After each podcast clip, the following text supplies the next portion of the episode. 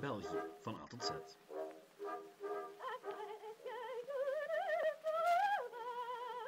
Welkom bij Geschiedenis van België en welkom bij de letter U. U voor de Unie van Utrecht en Atrecht en Brussel. Nu, dat was origineel althans echt wel de bedoeling, om het te hebben over die bondgenootschappen tijdens de Nederlandse opstand. En toen, eh, wel, toen begon ik te schrijven. En zoals wel vaker gebeurt, bleek het eigenlijke onderwerp van de aflevering een stuk breder te zijn dan de titel. En omdat ik nu eenmaal nog wel wat afleveringen te gaan heb, tot ik aan nummer 50 ben, heb ik besloten de hele Nederlandse opstand aan te pakken. Of om het in elk geval te proberen. Want eerlijk, alle gebeurtenissen van 1566 tot 1588 lijken onlosmakelijk met elkaar verbonden te zijn. Dit is dus een reeksje over de Nederlandse opstand.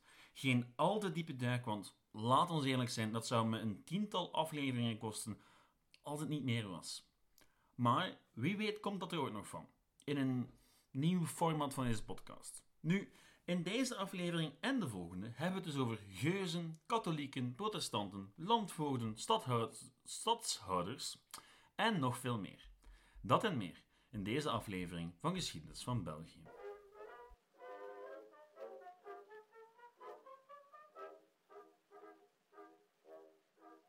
De opstand.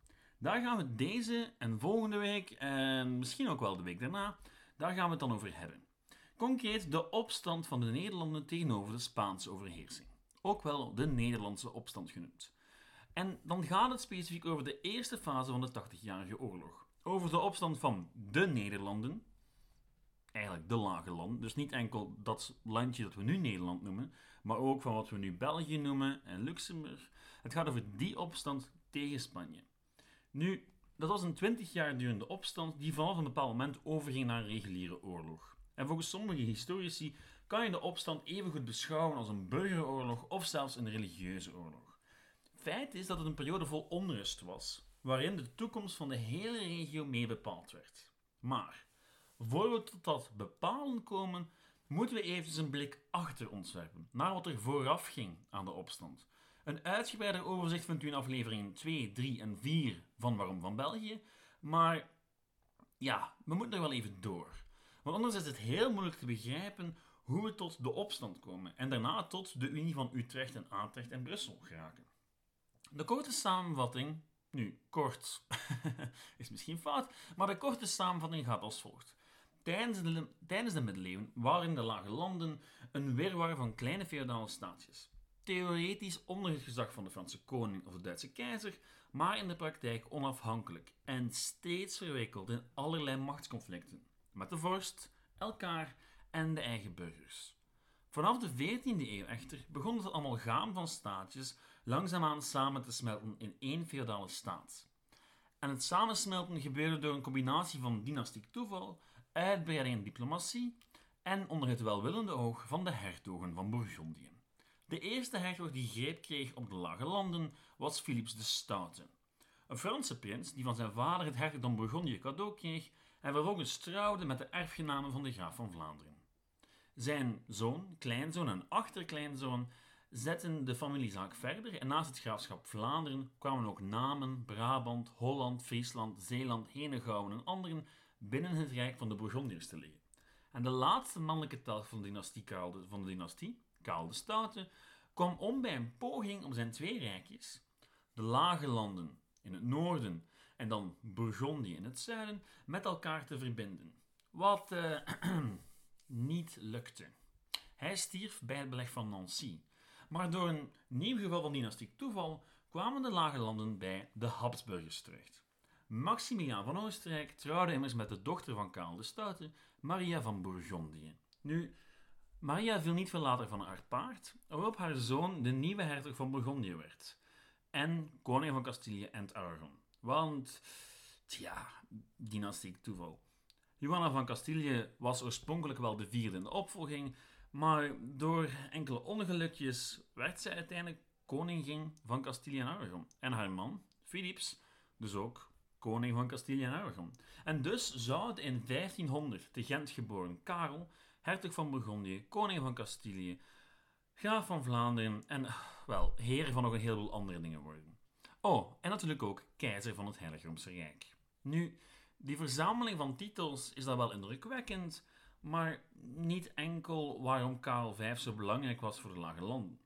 Nee, hij is zo belangrijk omdat onder hem dat geheel van de Nederlanden echt een geheel wordt. Zowel cultureel, al kan je daar nog wel over discussiëren, maar ook politiek. Want met die pragmatieke sanctie verklaart hij het geheel van de Nederlanden, weliswaar zonder luik, maar daar gaan we het nu even echt niet over hebben, één en ondeelbaar verklaarde. Wat zeggen we dat ze niet zomaar verdeeld konden worden door zijn erfgenamen in het geval van ja, dynastiek toeval of dergelijke. En dus werd de oude Janboel een verdeeld geheel. Nu, elk oud staatje had nog steeds zijn eigen bestuursorganen en kwam met de regelmaat van een klok in opstand als macht een voordeel te kunnen behalen, maar er was wel sprake van een zekere eenheid. Niet alleen deelde men in de Nederlanden ten tijde van het aftreden van Karel V dezelfde vorst, men deelde ook een cultuur en een economie. Rederijkerskamers, schuttersfeesten, kunstenaars, schrijvers, een heleboel mensen en organisaties staken de oude grenzen over en vonden werk waar werk was. En dus was er in 1550 een geheel van staatjes dat onder de noemer Nederlanden viel. En die Nederlanden kwamen na het aftreden van Karel V in 1555 toe aan zijn zoon, Philips, koning van Spanje. En die zou in de jaren die volgden er door een amalgaam van beslissingen in slagen een groot deel van zijn onderdaan tegen zich in het harnas te jagen. Ten eerste was er religie. Nadat een zekere Martin Luther zijn bezwaren tegen de katholieke kerk publiceerde, verspreidden er zich al snel verschillende alternatieve interpretaties van het christendom over West- en Centraal-Europa. En met de Nederlanden, en dan vooral Vlaanderen en Brabant, als commercieel centra, duurde het niet lang tot er allerhande protestantse gemeenschappen opdoken in de steden. Karel V had de vervolging ja, tot een relatief minimum beperkt, maar zijn zoon Philips was minder mild. En bovenop religie kwam ook nog een sociaal-economisch en een politiek conflict. Want op sociaal-economisch vlak begon de economie vanaf 1540 te sputteren, wat tot heel wat ontevreden werklieden leidde. En op politiek vlak, wel. Op politiek vlak waren de Nederlanden altijd al een plek geweest waar de lokale adel, de steden en de lokale klerus regelmatig probeerden onder het juk van de heerser uit te komen. Of op zijn minst wat meer ademruimte te krijgen. Onder keizer Karel speelde de lokale adel een actieve rol in de regering. Onder Philips niet. En daarbovenop waren de belastingseisen van Philips een grote last voor de steden. Want Philips die voerde heel veel oorlogen. En ja, die steden moesten dan ook die belastingen betalen. Dus politiek was de heerschappij van Philips II dan ook een stuk instabieler dan die van vader Lief. En dan moet de politieke onvrede zich nog beginnen te vermengen met de economische en religieuze strubbelingen. En het is die vermenging die leidt tot de beeldenstorm. Want ook al wordt de beeldenstorm vandaag vaak afgedaan als een louter religieus conflict, in de werkelijkheid was het veel meer dan dat. Geen geplande revolutie, maar echt een spontane uitbarsting van ongenoegen. Al gaat er vreemd genoeg wel degelijk een poging tot verzoening aan vooraf. De spanningen die tot de beeldenstorm zouden leiden, brachten in 1565 al een adellijke alliantie op de been die bij de landvoogdes om de opschorting van de inquisitie zou verzoeken. Nu, die verstrengde vervolging van protestanten had tot heel wat onrust geleid. Niet in het minst omdat een deel van de lage adel zelf ook protestants geworden was. En in 1564 waren adelen er al in geslaagd om de belangrijkste politieke raadgever van de landvoogdes te laten ontslaan, kardinaal Granvelle. Nu, die landvoogdes Margarethe van Parma, een beidelijk echtelijke dochter van Karel V, dus een halfzus van koning Philips, die gaf toe. En gesterkt door die overwinning organiseerde zich in 1565 een heleboel vooraanstaande edelen in het Eedverbond der Edelen. Op 5 april 1566 wisten zo'n 200-tal edelen binnen te dringen in het paleis op de Koudenberg te Brussel, waar Margaretha zetelde. En zij overhandigden haar het smeekschrift der edelen. Een verzoekschrift waarin de landvoogd en de vorst vriendelijk verzocht werd om een einde te maken aan de religieuze vervolgingen die in zogenaamde plakkaten, wetten, was vastgelegd. Of, wel, dat was niet helemaal duidelijk wat de of was. Misschien moet ik maar eens mijn beste middel-Nederlands bovenhalen en samen met u een fragmentje bekijken. Oké, hou je vast, ik doe een poging. Ter aanschouw van welk wij te meer oorzaken hebben om uw hoogheid in aller ootmoedigheid te bidden, gelijk wij ook met der daad bij deze tegenwoordige request te doen, hier en wel te willen voorzien, en overmits niet weinig daaraan gelegen is, als zo haast als het immer mogelijk is aan zijn koninklijke majesteit in een nutten en bekwamen persoon te zenden, en uit te maken dezelfde zulks te adverteren en van onsentwegen in aller gehoorzaamheid bidden, dat hem believe hier in geheel en al voor nu en voor namaals te voorzien, maar met hetzelfde niet geschieden en kan, als zolange als de plakaten stand grijpen en haar rigueur houden, aangezien dat een oorsprong van alle deze inconveniënten daaruit komen, dat dezelfde koninklijke majesteit gelieve te verstaan, dat de voorziende plakaten geaboleerd en tenieten gedaan werden, want zulks zal bevonden worden van nodig te zijn om te beletten de bederfenissen en verlies van alle deze Nederlanden van herwaarts over, en ook de reden en rechten gelijkmatig. Oké, dat was veel en ook licht onverstaanbaar, maar misschien hebt u de korte samenvatting wel gevat. Er moest een einde komen aan de religieuze vervolgingen of de vorst zou zijn controle over de Nederlanden wel eens kwijt kunnen raken. Want wat anders zou verlies van alle deze Nederlanden van herwaarts over anders kunnen betekenen. Nu, het is misschien opgevallen dat er geen specifieke dreigementen waren aan het adres van de vorst. En toch was de boodschap duidelijk. De reactie van Margaretha, wel, gezien er zo'n 200-tal edellieden voor haar neus stonden, besloot ze wijselijk om voorlopig toe te stemmen. Voorlopig, want voor een definitieve afschaffing had ze natuurlijk toestemming nodig van broer Lief. En het was trouwens bij deze gelegenheid dat de rebellerende edellieden de naam Geuzen kregen. Bij het ontvangen van het smeekschrift zou een van de adviseurs van Margaretha de volgende onsterfelijke zin uitgesproken hebben. N'ayez pas peur, madame, ce ne, ce ne sont que des gueux. Gueux, bedelaars. Heb geen angst, mevrouw, het zijn slechts bedelaars. Nu, dat is een feit divers, maar het zal later pas echt relevant worden. De toegift van Margaretha had echter grote gevolgen. Grotere gevolgen dan zij en het Eerste der Edelen ooit had kunnen inschatten. De protestanten, begrijpelijkerwijze verheugd met het voorlopige einde van de vervolging, maakten van de gelegenheid gebruik om geloof te beleiden. Dat mocht weliswaar niet binnen de stadsmuren, maar gebeurde dus erbuiten. En daarom werden ze ook hagenpreken genoemd. En die preken die leiden rechtstreeks tot de beeldenstorm. Dat zit zo. Op het eerste zegt is de aanleiding voor de beeldenstorm louter religieus en heeft die alles te maken met protestantisme. En daar valt iets voor te zeggen. Vooral omdat de Calvinistische strekking heel populair was in de lage landen. En oké, Luther was dan wel radicaal in de ogen van zijn tijdgenoten, maar in vergelijking met Calvijn was hij een doetje. En bij gevolg namen Calvinisten aanstoot aan de uiterlijke praal van de katholieke kerk. Luther ook, maar ze gingen een stuk verder. Al dat goud, al die beelden, gewaden van de priesters, die bijbels met ingelegde letters. Voor die Calvinisme ging dat allemaal veel te ver. En was dat echt wel ketterij.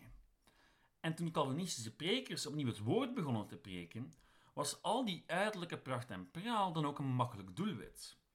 Of het echt de bedoeling was om een algemene plundering van de kerken te organiseren, ja, dat is maar de vraag. Maar de realiteit is dat er op 10 augustus 1566 een preker in Frans-Vlaanderen zijn publiek zo ophitste dat ze spontaan naar de dichtstbijzijnde kerk trokken om er alle beelden een kopje kleiner te maken. En eigenlijk had het daar misschien wel kunnen eindigen, maar dat deed het niet. Dat deed het niet omdat er een heleboel factoren samenkwamen. Net in die streek had de crisis hard toegeslaan. Er waren dus heel wat arbeiders die niets om handen hadden, niets te doen hadden, die honger hadden, die in armoede leefden. En als je daarbij rekent dat het Calvinisme erg aantrekkelijk was, bij net dat soort mensen, ja, dan weet je wel waarom die mensen zich aangetrokken voelen tot zo'n spontane ja, meute die de kerken ging plunderen. En die daar die, ja, die beelden van, van, van rijkdom kapot gingen slaan. Of roven. Eén van de twee. Nu, daarbovenop, en dat speelt ook mee, hadden lokale adel en het bestuur van de steden weinig zin om tussen de meute en de misschien wel iets te rijke kerken te gaan staan. Je weet wel, die lokale adel en die stadsbesturen die zelf ook overhoop lagen met het centrale bestuur van Philips II. Dus dat hele mengsel waar ik het eerder al over had, zal ervoor zorgen dat die beeldenstorm van ja, een kleine lokale rel gaat uitgroeien tot een massaal internationaal fenomeen. Want op enkele maanden tijd deinde het fenomeen uit van het zuidwesten van Vlaanderen tot het uiterste noorden van Nederland en stukken van Duitsland. In Brugge, Gent, Brussel, Antwerpen, Utrecht en nog veel andere steden volstrok zich hetzelfde fenomeen, de beeldenstorm. Goed, maar na die enkele maanden moest men beslissen wat men daar nu mee zou doen. Een gewapende meute had zojuist een heleboel religieuze kunst vernietigd, daarbij alle religieuze en aardse wetten negerend. En de adel veroordeelde wel het geweld, maar hoopte ook dat er niet al te hardhandig ingegrepen zou worden, in de hoop dat iedereen vroeg of laat braafjes naast elkaar zou kunnen samenleven. Margaretha had daar wel oren naar, maar zij was nu eenmaal de grote baas niet. Haar broer wel, en Philips... Ja... Philip was een stukje harder in de leer. Die zag het rumoer als verzet tegen zijn gezag, wat het ook wel een beetje was. En hij stuurde de hertog van Alva met een leger richting zijn oproerige gewesten. En initieel was het onduidelijk wat eigenlijk de bedoeling was, want van een echt gewapende opstand was absoluut geen sprake. Maar toen Alva aankwam, nam hij al snel de macht over van Margaretha en begon hij aan de opkuis. Toen Alva vertrok uit Madrid, was de situatie eigenlijk al bedaard, maar ja, daar had Alva geen oren naar. Hij besloot om de schuldigen op te sporen en recht te doen. Om recht te doen, richtte hij de Raad van Beroerten op, beter gekend onder de titel Bloedraad. Nu, Bloedraad is een beetje extreem, en uiteindelijk zijn er niet bijster veel mensen tot de dood veroordeeld, toch zeker niet meer dan duizend. Maar de bloedraad had echt wel een, een hele grote impact. Al was het maar omdat waarschijnlijk 60.000 mensen gevlucht zijn eens die bloedraad geïnstalleerd werd. Want ja, men had er en terecht heel veel schrik van. Nu, de bloedraad was een bijzondere rechtbank ingericht in september 1567 die tot doel had iedereen te vonnissen die een rol had gespeeld in de gebeurtenissen van 1566. In totaal, en over een periode van 9 jaar, werden er 10.000 veroordelingen uitgesproken. Meestal bij verstek. Want voor velen was het met de aankomst van Alva wel duidelijk welke kant de zaken uitgingen. Zelfs edelen die zich niet actief bezig gehouden hadden met de beeldenstorm, maar in het verleden wel verdraagzaamheid tegenover protestanten hadden gepredikt, wel, zelfs die edelen kwamen in het vizier van Alva en de Raad der Beroerten waaronder een drietal dat u misschien bekend in de oren zal klinken. De heren Egmond, Hoorne en Oranje. Alle die prominente edelen. Katholieken edelen ook, maar wel edelen die zich door het centraliserende beleid van Philips II ja, zich steeds meer van macht beroofd voelden. En steeds meer het gevoel hadden dat zij, de edelen die al decennia, eigenlijk al eeuwen, de lage landen besturen, langzaam maar zeker aan de kant werden geschoven. Tegelijkertijd waren ze ook redelijk verdraagzaam tegenover protestantisme. En hoewel geen van de drie deel hadden uitgemaakt van het eedverbond der edelen, werden ze toch als verdacht beschouwd. Wat vreemd is, want eigenlijk dienden zij de vorst. Van Oranje was stadhouder van Holland, Zeeland en Utrecht. Egmond was stadhouder van Vlaanderen en Artesië. Hoorne was stadhouder van Gelre. Een stadhouder was een edelman die in één of meerdere gewesten als plaatsvervanger van de vorst optrad. Een soort gouverneur dus, die samenwerkte met lokale overheden. Nu, vanuit die posities moesten de drie dus enkel de landvoogd en daarboven nog de vorst boven zich dulden. En na de beeldenstorm lijkt het erop dat ze alle drie deden wat ze konden om de situatie te doen bedaren. Maar toen Alva naar de Nederlanden gestuurd werd, ja, werden ze met een duidelijke keuze geconfronteerd. In Brussel blijven en proberen samen te werken met de hertog of vluchten. Oranje vluchten, Egmond en Hoorne bleven. En Oranje zou uiteindelijk ook veel meer doen dan vluchten. Uiteindelijk. Want eigenlijk had hij alle intentie om zich zo lang mogelijk afzijdig te houden. En dat zou hij ook doen tot er helemaal geen andere optie meer was dan ingrijpen. Nu, het was een goede beslissing van Oranje om te vluchten. En dat is een understatement. Want vlak na zijn aankomst liet Alva Egmond en Hoorn arresteren op beschuldigingen van ketterij en verraad. Niet dat ze schuldig waren, maar Alva had zichzelf duidelijk als doel gesteld om alle mogelijke verzetshaarden tegen het katholieke en vorstelijke gezag uit te schakelen. Zo ook de machtigste edelen van de landen die, in zijn ogen, al te verdraagzaam waren geweest tegenover de protestanten en, zeg daarbovenop, verzet hadden tegen de vergroting van de vorstelijke macht.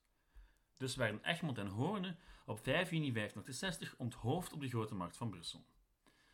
Maar, wat met Willem van Oranje, hoor ik u al vragen. Wel, die was in 1567 naar Duitsland gevlucht en vervolgens uit zijn functies ontzet. Oh, en door de Raad van Beroerten gedagvaard voor verraad. Wat Oranje voor een duidelijke keuze stelde: een leven in ballingschap aanvaarden of in opstand komen. Hij koos het laatste. Hoe die opstand begon en wat dit alles eigenlijk echt te maken heeft met de unies van Utrecht, Brussel en Atrecht, wel, dat is hopelijk voor volgende week. Bedankt voor het luisteren. Je kan me zoals steeds bereiken op Facebook, Geschiedenis van België. Het e-mailadres is geschiedenisvan.outlook.be. Alle feedback, vragen en suggesties zijn welkom. Tot volgende week. Ciao!